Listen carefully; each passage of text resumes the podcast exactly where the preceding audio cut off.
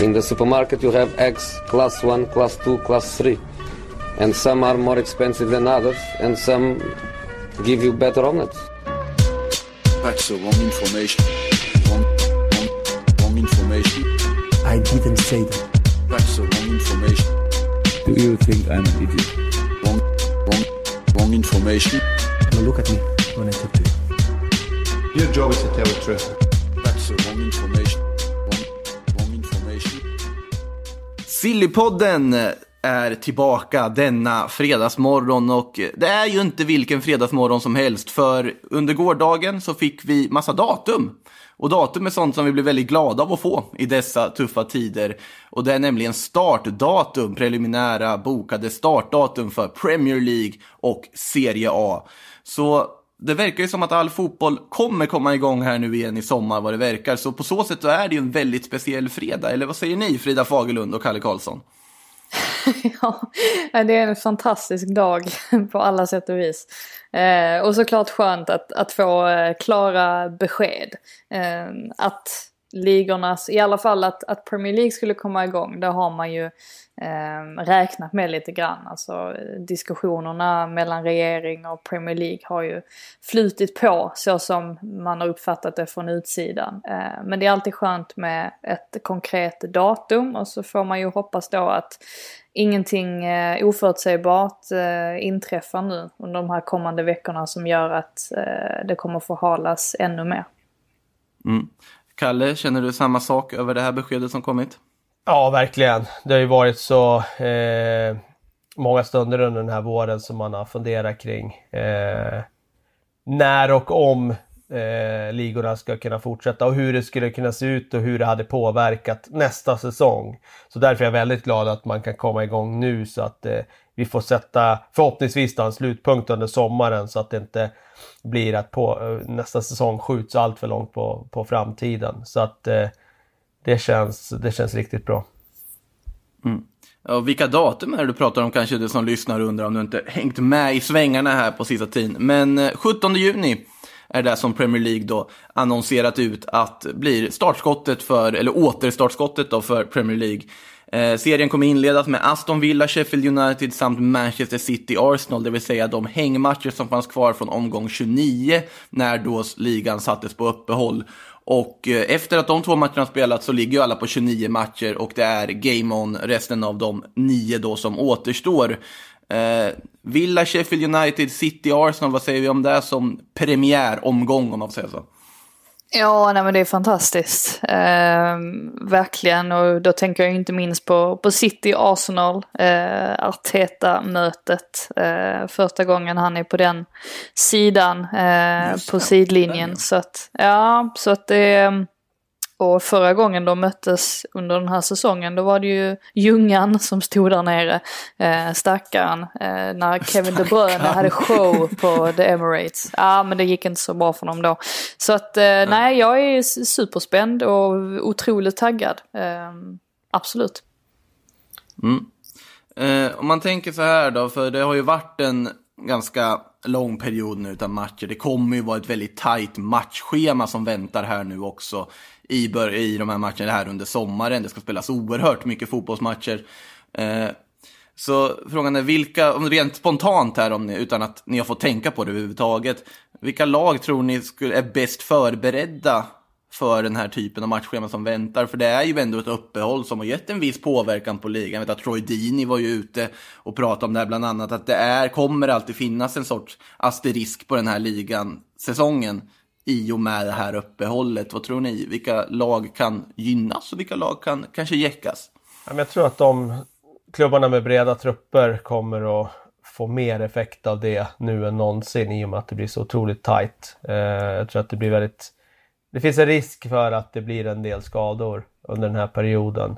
Och har man då en stor trupp där man kan rotera så kanske man klarar sig med väldigt få skador.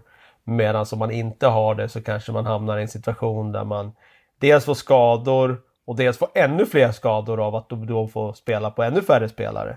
Och den eh, aspekten tror jag eh, kan bli utslagsgivande. Jag tänker på en sån klubb som Wolverhampton som, som har väldigt bra startelva. Som vi ofta lyfter fram som ett lag som har en bra startelva, nog så bra som de övriga toppkonkurrenterna runt plats fyra. Men som inte har lika bred trupp som de lagen.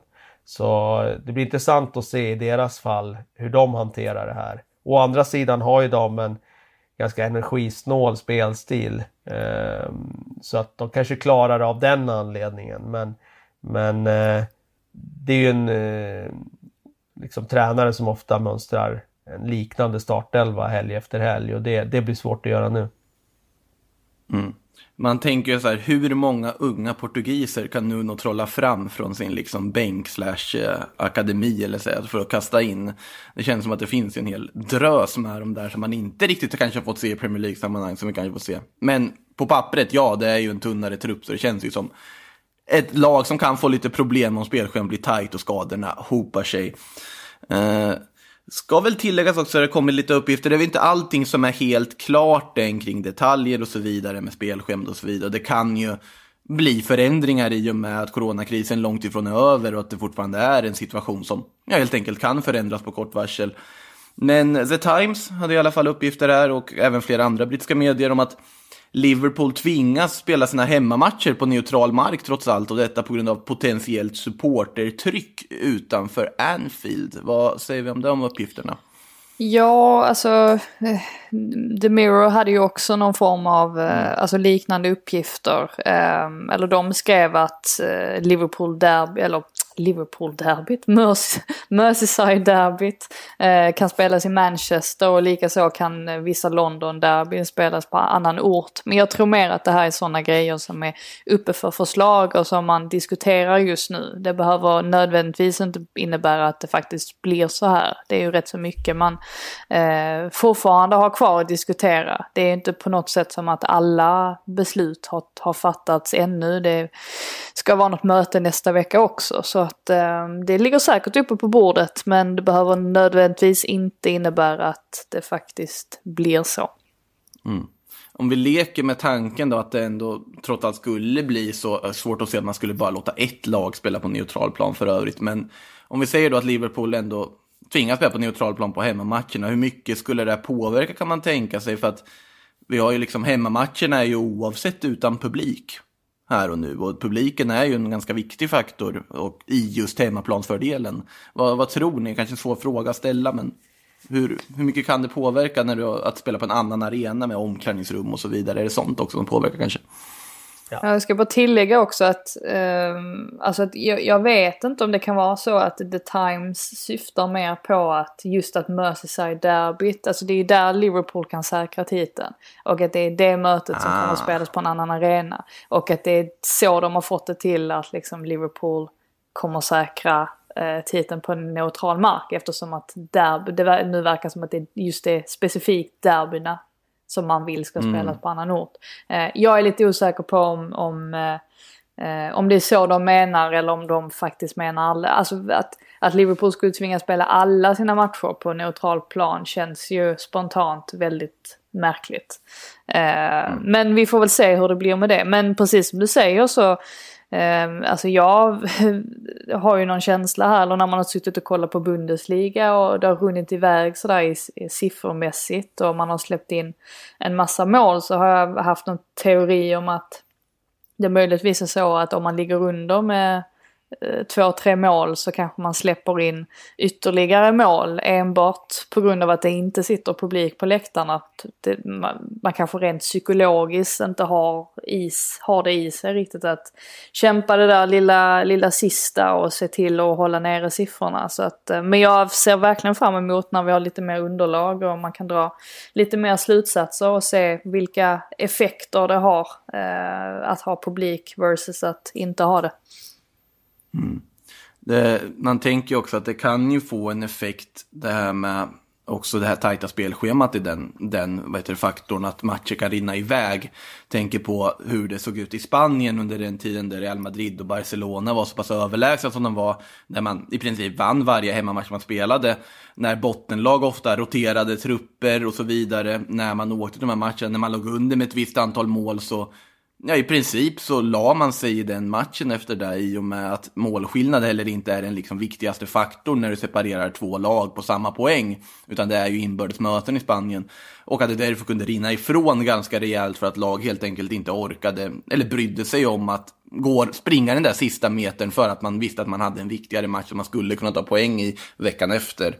Så att, jag vet inte om ni ser på det, men det finns ju en sån aspekt också att spelschemat kan påverka på det sättet. Ja, precis. Nej, men det kan absolut vara en sån aspekt att man eh, väljer lite mer nu vilka matcher man tycker är realistiska att ta poäng i. Framförallt om man ligger skrynkligt till i botten och slåss för sin e- existens. Så det kan absolut vara en, en eh, sån aspekt. Vi får se helt enkelt om, om vi får det fenomenet i Premier League också. Det har funnits lite tidigare, minst när Arsenal var som bäst, United var som bäst, och kändes det som att klubbar kunde rotera bort eh, liksom den matchen och satsa på, på andra matcher som låg helgen efter eller några dagar senare istället. Men det har inte varit så mycket så i England, men jag tror nu med komprimerat schema att det, det skulle kunna finnas en sån risk.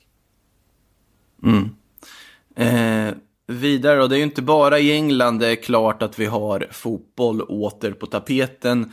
Eh, under gårdagskvällen så kom också Italien ut med besked att 20 juni är det dags för Serie A att starta. Det var Italiens idrottsminister då, Vincenzo Spadafora som var, bekräftade detta. Men det kan ju fortfarande bli fotboll tidigare än så i Italien i och med att det finns en Coppa Italia att ta hänsyn till. Och där så rapporteras det att det kan bli Coppa Italia semifinaler då den ja, start 13 juni. Eh, där så är det ju returmöten som ska spelas. Man spelar två möten då i kuppen i semifinalstadiet där, där Napoli har en 1-0-ledning mot Inter att försvara och Milan-Juventus ska spela en returmatch efter ett 1-1 resultat. Eh, tankar kring beskedet i Italien att vi får även Serie A-fotboll i sommar? Ja, men det är ju kul för dem eh, såklart. Eh, man hade väl kanske känslan av att de skulle gå samma eh, öde till mötes som Liga eh, gjorde genom att avsluta säsongen. Men eh, de, de har gjort en liten helomvändning ändå, alltså hela landet i stort, alltså från nu första juni och öppnat upp eh, mer än vad man kanske trodde att de skulle göra redan nu. Så att eh, det går väl eh, hand i hand egentligen med hur det ser ut eh, på övriga plan i det italienska samhället. Så att eh, eh, nej, får, får man bara hoppas som sagt att det inte kommer några nya utbrott, alltså några andra vågar och sådär som, som ställer till det för dem. Mm. Kalle, hur taggade du på Serie A-fotboll i sommar? Eller Ja, men jag är taggad på all många fotboll. ligor som konkurrerar med varandra. Ja, nej men det, det, jag är taggad på all fotboll. Jag tycker det är kul att eh, Italien också får möjlighet att slutföra ligan. Jag trodde, jag trodde faktiskt ett tag där när det snackades om att de skulle blåsa av allt och att Juventus skulle få titeln. Eh, det kändes som att det skulle bli så i Italien också då. När Frankrike hade tagit det beslutet. Men eh, jag är glad att de har kommit till den insikten att de eh, kan på något sätt slutföra ligan där. Eh, så att det, det, är positivt och det, det blir intressant att se och, eh, upplösningen där. Mm. Eh, ska ju också sägas att vi har ju fått någon form av grönt ljus även här i Sverige faktiskt. Eh, idag nu under morgonen så kom ju då Folkhälsomyndigheten ut och bekräftade att det blir ett grönt ljus för allsvensk start här i mitten av juni. Eh, Kalle, du som också är inblandad i elitfotbollen här i högsta grad, eh, går dina tankar kring det här beskedet som Nej, Det var väntat. Eh, vi har fått Mm. indikationer på att det skulle bli så, så allt annat än ett positivt besked idag hade varit en skräll. Framförallt med tanke på att eh, ja, hur eh, diskussionerna har gått. Att dels att förbundet gick ut ganska hårt och, mot FOM här och, och eh, liksom slog fast att man, man, man stoppar faktiskt en hel yrkesgrupp genom de här förbuden.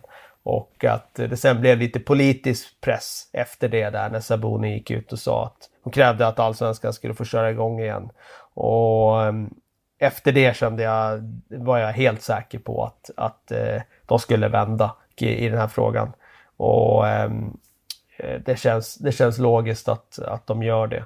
Vad jag förstår nu så, så öppnar man för, för all tävlingsidrott för seniorer. Men eh, själva reseförbudet ligger kvar, dock inte, omfattar dock inte eh, elitfotboll.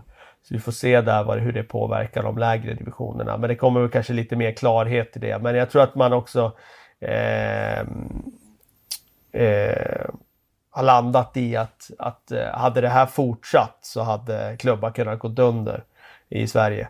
Och, det, det hade varit en situation som ingen hade velat hamna i. Så att, eh, jag tror att det har varit lite politisk press som har satt fart på dem. Ja, vi har ju haft uppgifter varje dag i princip om att den klubben går si och så många miljoner back och den klubben går si och så många miljoner back. Så att det känns ju verkligen som att det här var en väldigt viktig situation att få igång fotbollen. Samtidigt ska ju alltid liksom, folkhälsan gå först naturligtvis, men oerhört viktigt nu att fotbollen även kommer tillbaka här i Sverige, om inte annat. Eh, någonstans där det redan har dragit igång fotboll, måste ju tilläggas, det är ju Tyskland. Eh, där, men frågan är ju om hypen på något sätt nu, den här midweek-omgången vi har fått se i Bundesliga, på något sätt dog i och med att Bayern München gjorde det de gjorde borta mot Borussia Dortmund i det klassiker i tisdags. Eh, fantastiskt mål av Joshua Kimmich, måste ju tillägga, som avgör den matchen. Den där eh, lyftningen, chippen är ju helt utsökt. Eh, men i alla fall, Bayern vinner med 1-0. 7 poäng försprång. Leipzig tappar poäng, 9 poäng försprång till dem. Så direkta frågan man ställer är ju, är, var är det där liksom Bayern Münchens avgörande av Bundesliga-kampen? Ja, alltså med tanke på hur de eh, har sett ut nu på sistone, alltså vilket facit de har och dessutom alltså hur de avverkar matchen mot Dortmund så har man ju väldigt svårt att se, eh, i kombination då också med att Leipzig tappar poäng, att någon ska liksom kunna, kunna hota dem. Jag tyckte det var en oerhört underhållande match, eh, särskilt första halvlek var var väldigt trevlig att, att se på. Men det är ju tydligt där i andra halvlek att Bayern är ett litet nummer eh, större. Men med det sagt så var det en, en, ja, en kul match att se på. Mm. Kalle, känner du samma sak? Verkligen, jag tycker det var en riktigt bra fotbollsmatch. Eh, tycker jag. Och bra reklam för Bundesliga. Eh, riktigt kul att se eh, Joshua Kimmich mål. Eh, jag har en liten fetisch för just den där typen av chippar när man Eh, får ut keeper några meter och chippar den på det, precis på det sättet, ungefär från det avståndet. Jag är svag för det, just den typen av mål. Vad kul att han fick göra det också för att han har, tycker jag, etablerat sig som en av världens bästa i sin position. Men det, det känns väl inte som den breda publiken riktigt har fått upp ögonen för det eftersom Bundesliga sällan står i centrum. Men eh, nu fick han ju visa det och, och mm, eh, göra ett viktigt mål inför världens ögon. Så det var, det var kul. Sen var jag lite förvånad över att, att Dortmund inte fick straff där när, när eh, Haaland sköt. Eh, ja, den där armen som är ute där i... Ja, för mig var det ju jättemärkligt och det får ju så enorma konsekvenser för, för eh, ja, liga-racet, eh, titelracet. För hade det blivit kryss så hade det ändå levt. Nu känner man som att nu är det ganska dött. Så att för Bundesligas del var det ju inte bra att det inte blev straff där. För de hade nog behövt den här dramatiken hela vägen in i mål. Mm, ja, det känns ju som att, alltså, med tanke på också det otroligt imponerande jobb Hansi Flick har gjort i Bayern sedan han tog över. Det var ju nästan kris där ett tag. Den där 5-1 förlusten mot Frankfurt och så vidare. Det var ju, det var ju total upprorstillstånd i princip innan Hansi Flick tog över. Och hur mycket ordning han i egenskap av caretaker, sannolikt med väldigt god chans att få eh, fortsatt förtroende liksom har fått på Bayern München, hur otroligt stabila de känns. Det känns ju inte som att de kommer att tappa sju poäng. Alltså knappt kommer tappa någon poäng i resten av den här serien. Nej, och eh, nu vet jag inte hur det blir med Champions League, men det känns väl inte som att den kommer spelas färdigt. Prioriteten ligger väl inte där riktigt. Men eh, precis innan liksom, coronan eh, kom, eller anlände, så eh, kändes det ju nästan som att eh, liksom Bayern München kommer, eh, de kommer att ta hem Champions League också. Att de kändes så otroligt starka. Så att det, det håller jag absolut med om. Mm.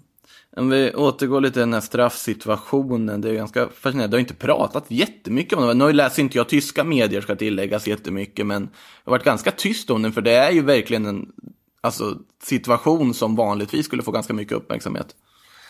Ja, jag tror att han hade blivit väldigt highlightad om det hade varit ett toppmöte i Premier League. Eh, tio omgångar kvar och det står och väger i titelracet lite grann om, om ett lag ska rycka eller inte. Men eh, Nej, det har varit ganska tyst om det. Men eh, på ett sätt är det ju hälsosamt att det inte blir för mycket fokus på domar, eh, liksom beslut och så vidare. Men det var intressant att det inte eh, renderade en straff tycker jag. Ja. Nej, man kan ju tänka sig, säg att eh, liksom, Virgil van Dijk hade gått ut och vevat med armen i en match mot City på det här sättet och VAR-teamet inte hade hittat en straff där. Vilka enorma rubriker och reaktioner vi hade fått se. Eh, nu slipper vi ju det som tur var för att det hände i Tyskland, höll jag på att säga. Men i Tyskland så kan man tänka sig att det i alla fall surras en hel del kring det. Eh, vet ni vad det surras om i Barcelona? Föra. Eh, Lautaro Martinez såklart. Eh, det är ju så att Barca är nästan desperata på att få in eh, Inters argentinske forward den här sommaren om man ska tro medieuppgifterna åtminstone. Men Inters sportchef Piero Ausilio har nu varit ute och samtalat kring just Lautaro Martinez och där säger han nej, vi kommer inte förhandla om honom i sommar, glöm det. Men däremot så finns det en utköpsklausul på 111 miljoner euro, det vill säga drygt 1,1 miljarder svenska kronor. Eh, så direkta frågan man ställer sig då, Barcelona har ju försökt att förhandla ner det här med, ja men vi ger er den spelaren och de här cashen och så vidare, men det verkar inte alltså Inter vilja höra av. Vad säger vi, 111 miljoner euro, är det ett rimligt pris för en Lautaro Martinez? Ja, men jag tycker inte att det är så eh, orimligt faktiskt. Alltså, jag tycker att han är topp, topp, toppklass. Eh, för den typen av spelare som fortfarande har potential att bli bättre får man betala fruktansvärt mycket pengar. Och visst, Corona påverkar priserna neråt, men jag tycker, det, jag tycker inte det är förvånande att en sån spelare ska kosta runt miljarden faktiskt. För att tittar man på andra affärer och vad, ja, inte minst Barcelona, vad de har betalat för andra spelare, så tycker jag att det här är en spelare som, som är det man, man får ju sätta det lite inom citationstecken för man vet ju aldrig. Men han är ju någonstans en garanterad kvalitet som de får in sett till vad han har presterat. Och eh, då... Eh, ja, jag är inte förvånad att det blir de pengarna. Problemet är väl bara att man har tappat lite uppfattning nu i och med corona. Eh, alltså vad som är en, en rimlig övergångssumma. Mm. Eh, vi kommer väl komma in lite på Timo Werner till exempel här i, eh, som Liverpool alltså inte är beredd eh, att betala 50 eh, miljoner pund för. Eh, och tycker liksom att det är för mycket, vill inte sträcka sig över 30. Ehm, det säger vi, I vanliga fall så tycker man ju att 50 miljoner pund är väl ingenting för en striker av, av den kvaliteten. Men eh, uppenbarligen så eh, har man inte samma pengar att röra sig med längre. Eh, så att vi lär väl inte få se de här överdådiga eh, övergångssummorna kanske på det, på det sättet. Mm. Vi kan väl, när du ändå var inne på det och lyfte storyn, vi kan ju ta Timo Werner här direkt för eh, det är The Mirror som då skriver att Liverpool säger nej till Timo Werner på grund av då priset. Eh, Klausulen då, som du sa, ligger på 50 miljoner pund, men Liverpool vill då inte sträcka sig längre än 30. Eh, det är ju svårt att döma en klubb eller liksom på säga att ja, men ni borde ju bara punga ut pengarna i en sån här situation där man inte vet riktigt hur illa ställt det kan vara ekonomiskt och hur priserna kommer att flytta sig. För 50 miljoner pund för en Timo Werner innan corona hade ju känts som ja, nästan ett fynd sett till vad han nog sannolikt hade kostat. Eh, så att man, man reagerar ju ändå i och med att det inte var så länge sedan vi hade de här höga priserna. Men sen är det ju en påverkan som har skett. Vad, vad säger vi? Känns det ändå som att Liverpool, svårt som sagt att svara på det, men agerar man rätt här? Alltså de har ju legat i, i förarsätet hela tiden när det kommer mm. till Timo Werner. Så att risken är ju om man avvaktar nu och man liksom eh, försöker förhandla ner priset så Eh, är ju risken att det kommer in andra intressenter och, och kapar affären. Nu finns det väl inte så många klubbar möj, möjligen som liksom kan göra det. Inte lika många klubbar som det hade funnits för ett år sedan kanske. Men eh, risken finns ju. Eh, men man får väl eh, anta att, alltså vi pratar ju, känns som att nästan varenda sommar så eh, klagas det på Liverpools fönster. alltså det, eh, att, att de inte plockar in tillräckligt mycket spelare. De har väl liksom stenkoll på det förhoppningsvis för deras del. Eh, men Timo Werner är väl antagligen en spelare som man har man har scoutat väldigt väl och som man tycker passar in i deras sätt att spela på väldigt bra. Så att då är det ju förstås eh, lite riskfyllt att eh, inte gå med på eh, den summan. Mm. Känns ju som att om det är något lag man inte ska klaga på transferfönstren på så är det ju Liverpool sett till också hur välskötta de verkligen varit under de senaste åren. Att varenda värvning har gjorts med otrolig tanke om hur kommer den här spelaren passa in i Jo, jo. Det, det, är ingen som, det är ingen som klagar på det i efterhand men särskilt förra sommaren så fanns det lite oro hos supportrar över att man jo, inte precis, förstärkte precis. truppen. Eh, så att eh, på det sättet menar jag. Men det är någonstans lite hälsosamt eh, att man inte dras med i, alltså de står ju så stadigt nu i, liksom sin strategi och hur de jobbar i att de dras inte med heller i, i liksom något så här när det blir överpris, ja men då drar de sig ur. Det, det finns ju något slags hälsosamt tänk i det. Och jag kan, jag kan gilla det. Eh, det känns som att de vet vad de gör. Mm. Frågan är om Paris Saint-Germain vet vad de gör. Eh, de har i alla fall, om man ska tro uppgifter i både fransk och italiensk press, närmat sig att eh, säkra Mauro Icardi från Inter. Han har ju varit på lån där i Paris. Gjort det bra, 12 mål på 20 ligamatcher, det är inget att klaga på. Eh, och då, han ska ju ha haft då en köpklausul eller köpoption för Paris då som ligger på ja, ganska mycket pengar helt enkelt, över 700 miljoner som jag förstått det. Men eh, enligt Lekip då så ska han nu köpas loss permanent för någonstans mellan 580 till 633 miljoner kronor var den exakta siffran till och med här. Eh, och då liksom bli permanent en Paris-spelare. Vad känner vi här, även om vi kanske inte kan värdera summan så mycket i och med det vi redan pratat om. Känns det rätt att säkra Mauro Icardi som spelare för en klubb som Paris? Ja, det är väl rätt rimligt. Um med tanke på återigen den situationen man är i, att det kanske inte är lika enkelt att hitta spelare som man eh, vill ha in. Ehm, och här har man då en spelare som man vet om liksom går, går bra in i laget, eh, som har akklimatiserat sig. Så att, eh, och känner man då att man har pengarna så ehm, tycker jag väl att det är ganska vettigt att, att se till att säkra den permanent. Mm. Eh, vi har ju pratat nu om Icardi, vi pratat om Lautaro, alltså det vill säga anfallare som på ett eller annat sätt är på väg bort från Inter. Vi ska väl skicka in någon i Inter också när vi ändå är igång här i den här snåriga silly season-ryktesdjungeln. Eh, för enligt eh, Skys Gianluca Di Marzio så ska Inter ha varit i kontakt med Hertha Berlin för att höra av sig om Matteus Kunja. Eh, vi var ju inne på honom förra veckan också, denna unga otroligt duktiga offensiva spelaren i Berlin. Då. Och Inter nu, alltså kopplas samman med honom. Men det man spontant känner är ju Berlin köpte honom för 300 miljoner drygt i vintras. Och med tanke på det han har gjort i den här Bundesliga-återstarten så kan jag tänka mig att det priset måste ha gått upp något enormt på det halvåret. Eller vad, vad säger vi, har inte ens råd att plocka Mattias Kunja? Nej, precis. Alltså det är också en sån där spelare, precis som Kimmich, som har fått dem ja, den breda fotbollspublikens blickar nu som man kanske inte har haft mm. tidigare. Eh, rimligen sett till hans prestationer så har ju priset stigit rejält. Sen får man ju se vad Corona gör för den typen av, av spelare. Jag skulle säga att eh, han är inte riktigt lika garanterad kvalitet om man tar klivet upp till, till eh, eh en av de största klubbarna. Där vet vi inte riktigt hur han skulle prestera. Så att eh, jag skulle kunna tänka mig att hans pris Eh, blir lite lägre än vad det hade varit utan Corona. Eh, men det är, jag är inte alls förvånad att det är många klubbar som är ute och tittar på honom nu för att och är intresserade för han har gjort det väldigt, väldigt bra när jag har sett. Mm. Eh, vidare då, eh, vi har pratat om eh, olika stora transfersummor hit och dit. Om man ska tro The Telegraph så blir det dock inga transfersummor att tala om i Arsenal och Tottenham. Eh, tidningen skriver att de två klubbarna kommer få operera, eller ja, agera utan transfersummor denna sommar. Eh, att det snarare då handlar om swap deals, det kan handla om eh, free agents, den typen av värvningar. Och det pratas även om att båda dessa klubbar slåss om en viss William från Chelsea.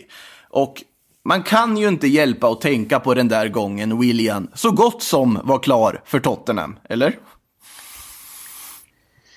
Nej, och kopplingen är ju José Mourinho.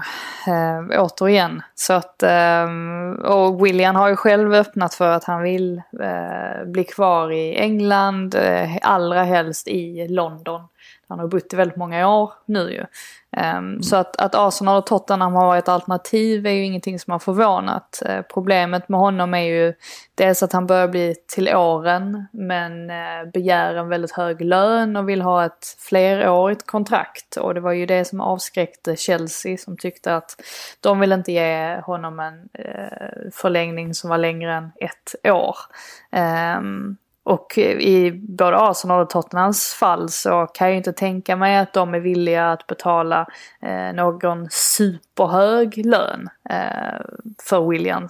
Så att ehm, eh, nej, vi, vi får se. Alltså, i, I övrigt så är det ju ganska eh, snarlikt. Alltså vi vet ju ehm, vi vet ju vad hans roll brukar vara eh, i ett lag eller vad den har varit i Chelsea de senaste åren. Så man kan väl tänka sig att det skulle bli någonting liknande i både Chelsea och, eller i både Tottenham och, och Arsenal. Eh, men eh, ja, man, man får väl avvakta nu eh, och se var han hamnar.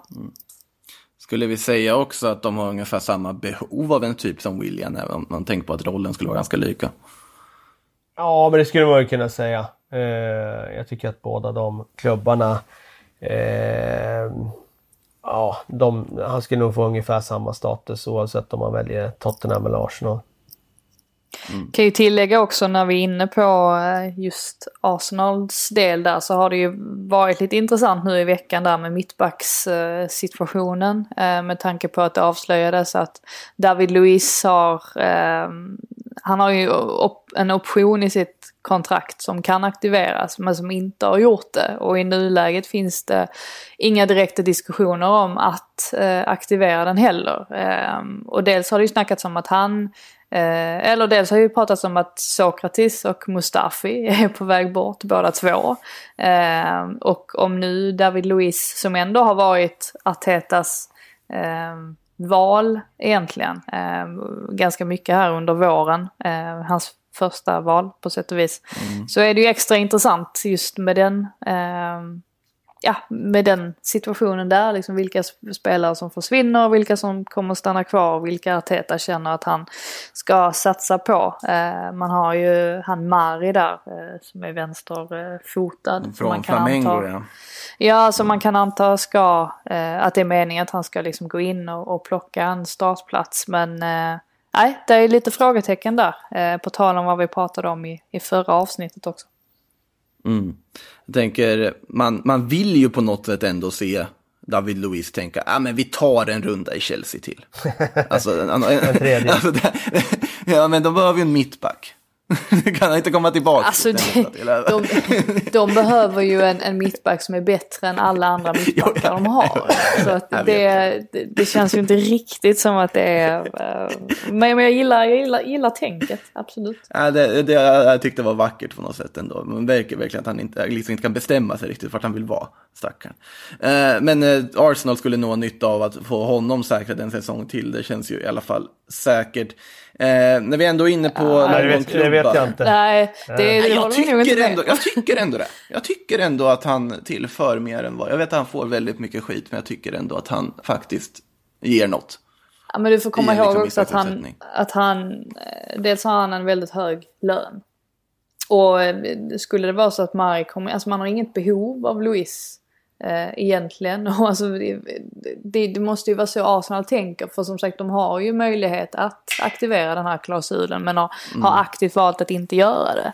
Alltså då måste det ju finnas en anledning. Så att, eh, nej jag håller inte riktigt med om det. Jag gillar Luis som person men eh, som spelare har han ju sina brister. Kanske är så att man funderar på att flytta den där tunga löneposten från en hårfager brasse till en annan. Månne. Kan det ju vara beroende på vad som händer med William. Eh, om vi tittar på Chelsea då, som jag tänkte gå över till här innan ni totalt sågade min påstående om att Louise skulle tillföra Arsenal. Nej, det var väl lite att ta i. Men eh, Nicolas Tagliafico kanske vi kan komma överens om i alla fall känns som en vettig förstärkning för Chelsea. Eh, för han ska nog lämna Ajax vad det verkar. Agenten, hans agent då, Ricardo Schliper har i alla fall sagt här att vi jobbar på en övergång och vi har kommit överens med Ajax om att Nico får lämna nu den här sommaren. Och detta enligt argentinska La Nación. Eh, enligt Telegraph så hamnar nog summan på runt 22, runt 22,4, det är ju ganska exakt i och för sig, men 22,4 miljoner pund. Eh, det känns väl som det känns väl som en vettig förstärkning. Chelsea behöver ju en vänsterback dessutom, men Nicolas Tagliafico in där hade väl inte varit helt fel. Slå till, säger jag bara till Chelsea. Eh, det är väl klart Köp! att de ska se till, ja, Köp det är nu klart att de ska se till att lösa det här. Det här är en mycket bättre eh, lösning än att plocka in Ben Chilwell, eh, tycker jag. Dels eftersom Ben Chilwell är mycket, mycket dyrare. Eh, dessutom har, eh, har han varit ur slag eh, under ganska lång tid nu. Så att, eh, och Chelsea har, har ju en bra relation till Ajax, eh, köpt spelare och, och så tidigare. Så att eh, nej, jag, jag tycker absolut att det vore en eh, jättevettig övergång. Ja, man hade ju velat se Tagliafico och Hakim Ziyech fortsätta fint samarbete även i Premier League då, som de har gjort i Eredivisie och i Ajax. Eh, frågan är om man vill se Alexis Sanchez i Bundesliga. Eh, det kan låta som en väldigt plötslig grej att säga, men Mundo Deportivo skriver i alla fall att Manchester United då, som ju vill ha en viss Jadon Sancho, har tänkt att ja, men vi inkluderar Alexis Sanchez i en potentiell swap slash eh, cash deal för Sancho. Och då ställer man sig två frågor. Till att börja med, varför skulle Dortmund betala Alexis Sanchez sannolikt väldigt höga lön? Och nummer två, oavsett vad han har i lön, varför skulle Dortmund vilja lägga in Alexis Sanchez som liksom ta det som betalning istället för pengar för en Sancho? Ställer ni er de två frågorna också när ni hör det här ryktet? Ja, och jag tror i och för sig inte det blir helt utan pengar. Det kommer ju vara ett, sätt Nej, nej, att få nej. ner transfersumman såklart. Men, men eh, frågan är om den transfersumman eh, ska bli lägre eller om den till och med ska bli högre om man slänger in Alexis i den. Eh, det, det är ju... Nej, skämt åsido. Men, men eh, alltså det som... Det är en osäkerhetsfaktor när man tar in honom. Det var ju ganska slående här när Ole Gunnar Solskjaer faktiskt gick ut här och pratade om Lukaku och Alexis Sanchez och sa apropå att han lät dem gå då och lämna in inför säsongen och satte United i en ganska svår situation för de var väldigt tunna offensivt där. Men han sa apropå det att han hellre har ett hål i truppen än ett rövhål. Och eh, det säger väl ganska mycket om att han inte gillade det, de här spelarnas karaktär. Eh, och det känns ju inte som en sån spelare som Dortmund går att värva. Det känns ju tvärtom som en sån klubb som är väldigt mån om vilka typer av karaktärer man hämtar in där. För att man har inte lika mycket pengar som de andra klubbarna och man måste bygga på andra värden. Så jag kan inte se varför de skulle vara intresserade av att och liksom eh, ta in Sanchez i en sån deal överhuvudtaget. Utan eh, ska de få Jadon Sancho då får de nog host- hosta upp rejält med stålar och så får de konstatera att det är det som kommer krävas. Ja, det blir nog svårt att Ändå, liksom, ja. organisera ihop en swap-deal för att få över honom med tanke på intresset och liksom, otroliga potential som finns där. Och att Dortmund är medvetna om hur mycket United vill ha honom också, ska väl tilläggas. Eh, ska vi innan vi går in på lite lyssnarfrågor så måste vi väl ändå konstatera att det verkar som att en viss Mario Balotelli gjort sitt i Brescia. Eh, ordföranden i Brescia, Massimo Cellino, har varit ute i italiensk tv och eh, svingat får man ju faktiskt säga att han har gjort, använder ganska hårda ord mot eh, Balotelli. Anarkistisk beskriver han honom som bland annat. Eh, nu svingar ju Cellino ganska vilt väldigt ofta, ibland utan skäl också. Eh, men han säger i alla fall att han har inte sina tankar hos oss och jag tar hans avsked för givet. Och då ska det ju tilläggas att Balotelli skrev på ett treårskontrakt med Brescia när han kom i somras. Det har inte ens gått ett år av det här kontraktet än. Och eh, det här kontraktet ska dessutom annulleras vid eventuell nedflyttning och det verkar ju vara snarare sannolik nedflyttning än eventuell i fallet Brescia inför den här Serie A-omstarten. Eh, men man måste ju fråga sig, Balotelli, Mario, 29 år gammal, var, var ska han ta vägen härnäst? Alltså, Brescia skulle han ju till för att liksom få någon sorts säkerhet och komma tillbaka till hemklubben och så vidare. Vad ska han göra nu?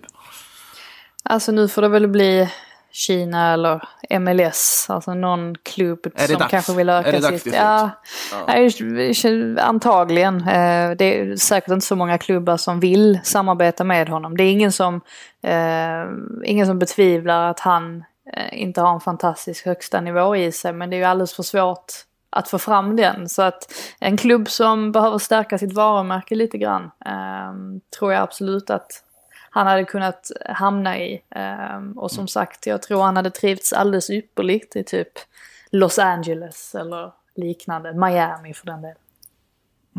Får jag slänga in en liten skrällkandidat till att plocka en Balotelli på fri transfer i sommar? Skulle jag vilja slänga in Sevilla. Alltså för, alltså, Monchi, den sportchefen i Sevilla, han, tar ju, han vill ju ha en bra deal. Att någon spelare du tar in för att kunna sälja vidare, någon som överpresterar sett till. Att ta in en Balotelli när man vet hans kvaliteter han kan ha på fri transfer. För mig känns det som någonting Monchi absolut skulle kunna göra med typ 31 andra värvningar under en sommar. Så bara slänger ut den utan att det finns några som helst belägg för det. Att Sevilla kanske inte är så långt borta. Han har inte gjort Spanien än. Mario ska ju också tilläggas. Eh, lite lyssnarfrågor då innan vi eh, sätter punkt för detta. Eh, har en här från Oliver Grönblad. Han eh, valde inte att skriva i den vanliga Twitter-tråden som brukar dyka upp här inför avsnitten, men ställer likväl frågan. Eh, och han undrar om Lindelöf som defensiv mittfältare i United. För han har inte alltid varit mittback. Fötterna är bättre än Matic. Stärker upp med en bra mittback bredvid Maguire och saken är biff. Vad säger vi om den taken? Det kanske har varit lite uppe på tapeten förut, eller? Ja, jag tror jag har fått den frågan i lite olika sammanhang tidigare. Eh, han spelade faktiskt mittfältare när vi hade honom i träningar i Västerås. Eh, lite grann på någon träning sådär ibland. Eh, och han har ju varit det tidigare också som ungdomsspelare och sen har han ju höger mittfältare. För att sen ta klivet ner som högerback för att eh, sen hitta sin roll som mittback efter ja, det var ju U21-EM så sent som eh, då var ju faktiskt högerback i det laget som vann guld för Sverige. Eh, men jag tror inte eh, han har riktigt det passningsregistret i, som central mittfältare. Han har det som, som eh, mittback, men det är lite andra situationer man hamnar i då. Man får lite mer tid med bollen. Jag tror inte att han har rörelsemönstret och eh, spelet på små ytor för att vara en central mittfältare. Så, så jag tror att han, han ska vara kvar som mittback. Det är nog hans position. Måste ju ställa en liten följdfråga, jag känner. Du, har ju en, du som jobbar med Västerås och nu också fått se Lindelöf i träning under ju här nu precis här under uppehållet. Eh, var det någonting nytt du fick se hos honom när du fick jobba med honom på så pass nära håll?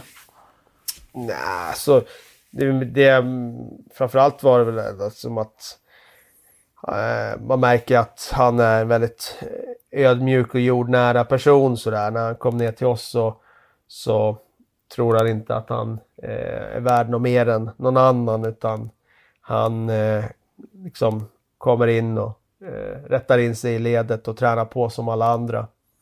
Och bara att han säger till mig liksom när han gör en av de första träningarna att han kan tänka sig att fylla i vad, vad det behövs. Du kan sätta mig i vilken position som helst på träning. Det, jag, jag kan vara forward, jag kan vara mittfältare, jag kan vara målvakt också om det, om det behövs det. Bara att han säger det säger ju väldigt mycket om han som person. Så, eh, så framförallt det. Och sen eh, är det klart att han, han eh, som spelare får man ju se liksom vad, vad skillnaden är när man kommer upp på spelare på den nivån. Att när han kör med oss så han går inte riktigt på 100 procent. Eh, så i alla situationer men han gör ju väldigt, väldigt få misstag. Eh, Vilken, vilken position spelar honom på då på träning? Det måste jag ju också fråga. Nej, oftast mittback såklart. Han fick ju ofta spela Han fick vara mittback. mittback. Men, eh, oftast fick han spela mittback, men ibland fick han spela ytterback, ibland fick han spela mittfältare. Eh, sådär. Och han tyckte nog det var ganska kul att, att spela central mittfältare också och få känna på lite boll och sådär. Eh, och gör det på, på vår nivå så, så tyckte han nog det var rätt, rätt roligt. Men sen märker man ju liksom, man kommer ju till den nivån av en anledning för att man är en tävlingsmänniska liksom. När det väl blir smålagsspel, ja men då ser man att då varvar ju han upp också. eh, när vi spelar större, ja men då, då, då kunde han gå på halvfart och göra det väldigt bra ändå. Men så fort det var fyra mot fyra, då går det ju inte att gömma sig. Fyra mot fyra spel, då kan man ju inte springa runt och löka. Det går ju inte. Så då, då väcktes ju liksom den där tävlingsmänniskan i honom också. Det, ja, det var häftigt att se. Eh, ta en fråga här från Karl Brokvist som dök upp. Eh, vi var inne på Timo Werner och Liverpools bekymmer kanske att plocka in honom i sommar. Och han frågar, vad tror ni Timo Werner spelar nästa säsong? Blir det ett år till i liksom, eh, RB Leipzig eller går han till någon annan klubb? Just nu verkar det väl... Alltså de, det finns ju en kontraktssituation som gör att det är svårt att veta riktigt.